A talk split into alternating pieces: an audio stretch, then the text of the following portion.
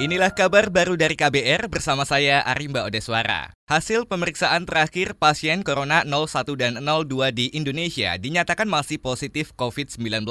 Juru bicara pemerintah untuk penanganan COVID-19 Ahmad Yuryanto menjelaskan, salah satu pemicu masih positifnya dari kedua pasien tersebut lantaran kondisi psikologi yang tertekan karena identitas mereka tersebar di masyarakat. Kondisi ini mempengaruhi sistem imunitas kedua pasien tersebut. Dominasi oleh pasien 01 dan 02 ini adalah beban psikologis akibat identitasnya sudah terpublikasi di beberapa saat yang lalu. Ini menjadi pukulan berat secara psikologis mereka berdua dan pemeriksaan yang kita dapatkan hasil pemeriksaan yang kita dapatkan dari spesimen kemarin padahal sudah masuk hari yang ke-7 masih positif juga. Oleh karena itu kita masih belum akan nyatakan untuk bisa lepas perawatannya. Pasien 01 dan 02 dinyatakan positif COVID-19 pekan lalu. Secara cepat, identitas diri keduanya menyebar di masyarakat. Hal ini disayangkan semua pihak, termasuk pemerintah yang mengecam tindakan penyebaran data tersebut. Sementara itu, saudara, perusahaan Starjet yang bergerak di bidang travel agent khusus turis Tiongkok di Bintan, Kepulauan Riau, mengajukan pemutusan hubungan kerja atau PHK ratusan karyawannya karena terdampak COVID-19.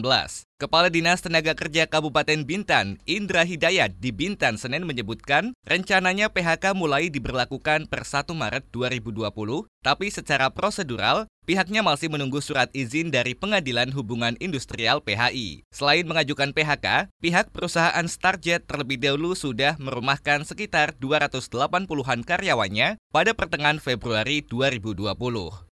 Kita beralih ke informasi lain saudara. Hingga siang ini aksi Gejayan memanggil masih berlangsung di Yogyakarta. Selain menolak Omnibus Law, masa juga menolak RUU Ketahanan Keluarga dan mendesak pengesahan RUU Penghapusan Kekerasan Seksual. Selengkapnya disampaikan jurnalis KBR Ken Fitria langsung dari Yogyakarta. Silakan rekan Ken. Sore, Aliansi Rakyat Bergerak tolak RUU Omnibus Law sudah mulai turun ke sepanjang Jalan Gejayan Yogyakarta.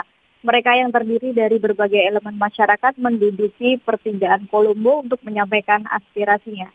Aksi tersebut dimulai pada pukul 13 dari tiga titik kumpul yakni UIN Sunan Kalijaga Yogyakarta, UNY, UGM dengan Long March menuju Gejayan. Salah satu anggota Aliansi Rakyat Bergerak, Ucok, mengatakan aksi tersebut merupakan kelanjutan dari undang-undang yang ditolak sebelumnya pada aksi Gejayan memanggil beberapa waktu lalu. Menurutnya setelah KPK dilemahkan, sekarang ada banyak penyakit dalam reformasi di korupsi. Kemarin yang masuk dalam Omnibus Law, salah satunya adalah bank tanah dalam RUU Pertanahan. Menurutnya reformasi agraria yang selama ini dikenjarkan pemerintah adalah tidak benar adanya.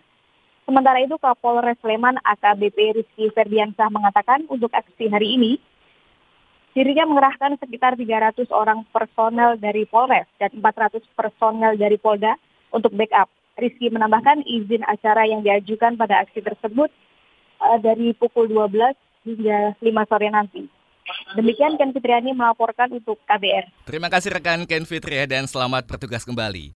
Kita beralih ke Papua, Saudara. Komisi Hak Asasi Manusia atau Komnas HAM Perwakilan Papua segera memastikan penyebab mengungsinya warga Tembagapura, Kabupaten Mimika, Papua ke kota Timika. Kepala Kantor Komnas HAM Perwakilan Papua, Fritz Ramandai mengatakan, guna mengetahui penyebab persoalan ini, pihaknya akan membentuk tim independen. Mereka mengungsi ini karena intimidasi atau mereka mengungsi karena tindakan keamanan untuk mengamankan mereka. Sebelumnya, ratusan hingga ribuan warga mengungsi karena adanya aksi serang kelompok separatis dengan aparat. Aksi eksodus warga ini diduga dilatar belakangi trauma atas kejadian serupa pada 2017 silam. Kala itu, sejumlah warga sipil menjadi korban salah tembak akibat adanya aksi kontak senjata. Demikian kabar baru dari KBR, saya Arimba Odeswara.